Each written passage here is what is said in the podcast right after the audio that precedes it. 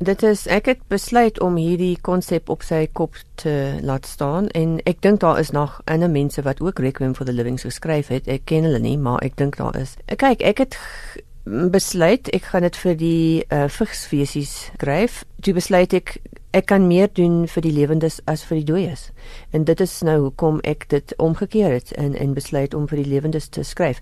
Ek kry nie die hele werk sommer so in een op een slag.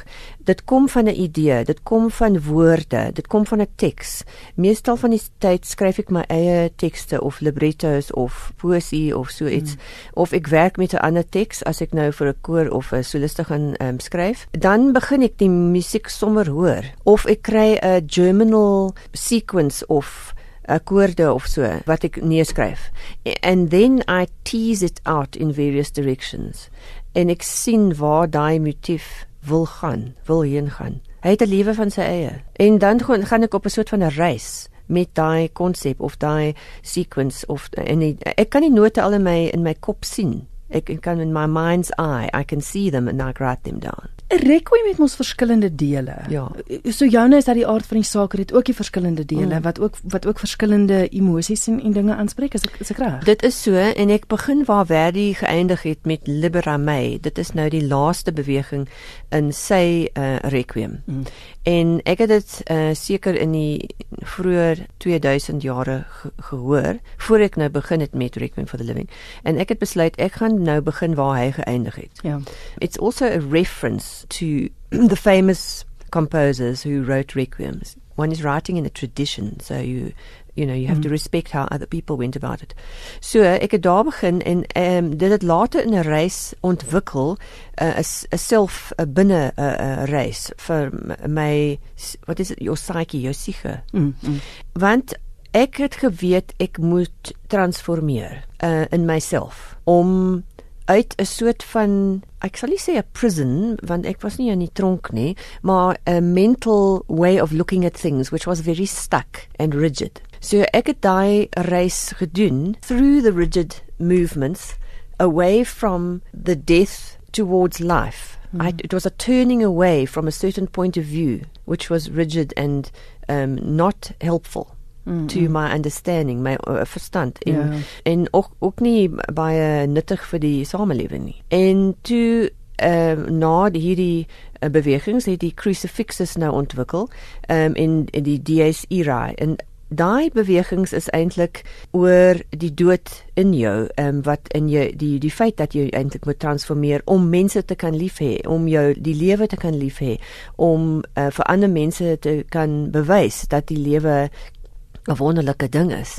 En so ek vat die die luisteraar ook op hierdie reis en ons gaan tot die donkerste plek, maar ons daarna draai ek heeltemal om en ek gaan na die lig toe. Mm -hmm. En dan word dit 'n celebration uh van die van die lewe. Ja. In die laaste bewegings of in die die, die tweede helfte sal ek sê. There's also a section called Lacrimosa en Mozart het ook 'n Lacrimosa ges, uh, geskryf en myne klink nie so syne nie, maar dit gaan oor die trane wat jy ehm um, huil en die reën wat jou skoon was en en 'n nuwe lewe kan begin daarna. Ons gaan nou gesels oor wanneer dit te sien is en waar dit te sien is, maar vinnig net gou die tale waarin jy jou requiem geskryf het. En dis meer as een wat jy Ja, daar is meer. Ehm um, kyk, daar's baie Engels en daar's 'n bietjie Latyns, ehm um, en daar's uh, Grieks, uh, Frans. I'm using what I loosely term praise singers in the tradition of the African praise singer who would be a poet intoning the praises of the chief. Maar toe het ek dit verander in praise singers vir uh, die skepper wie ook al nou die skepper mag wees want ons weet eintlik nie ons het baie idees daaroor mm.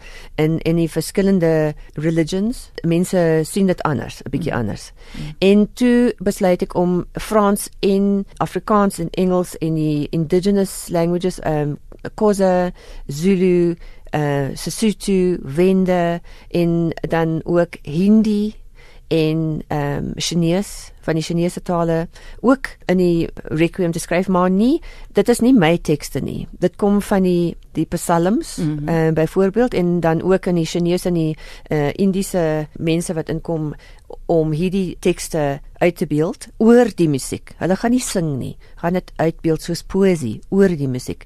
Hulle het van die ehm um, Hindu en Chinese tradisies uh, tekste uh, gebruik. Wie is die dirigent en en wie speel? OK. Uh daar's 'n groot klomp mense wat gaan speel. Daar's um 51 orkeslede en meeste van hulle kom seker van die JPO en van die ander orkeste in Pretoria en Johannesburg. Dit is nie eintlik 'n konvensionele orkes nie, alhoewel daar snare en blaasinstrumente en daar's baie uh, slagwerk, mm -hmm. percussion instruments, en 'n klavier en 'n celeste en 'n vibrafoon en uh, en 'n saksofoon in een of twee bewegings.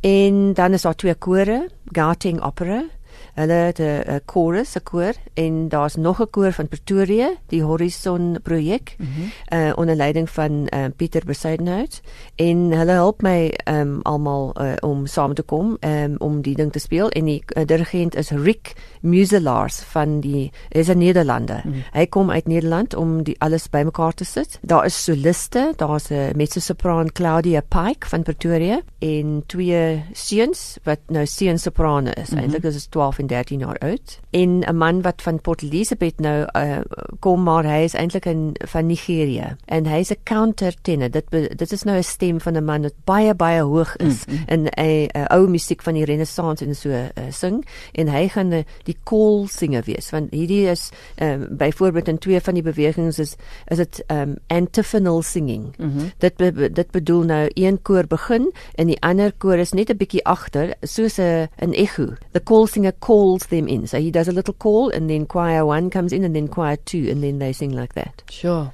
So it's groot.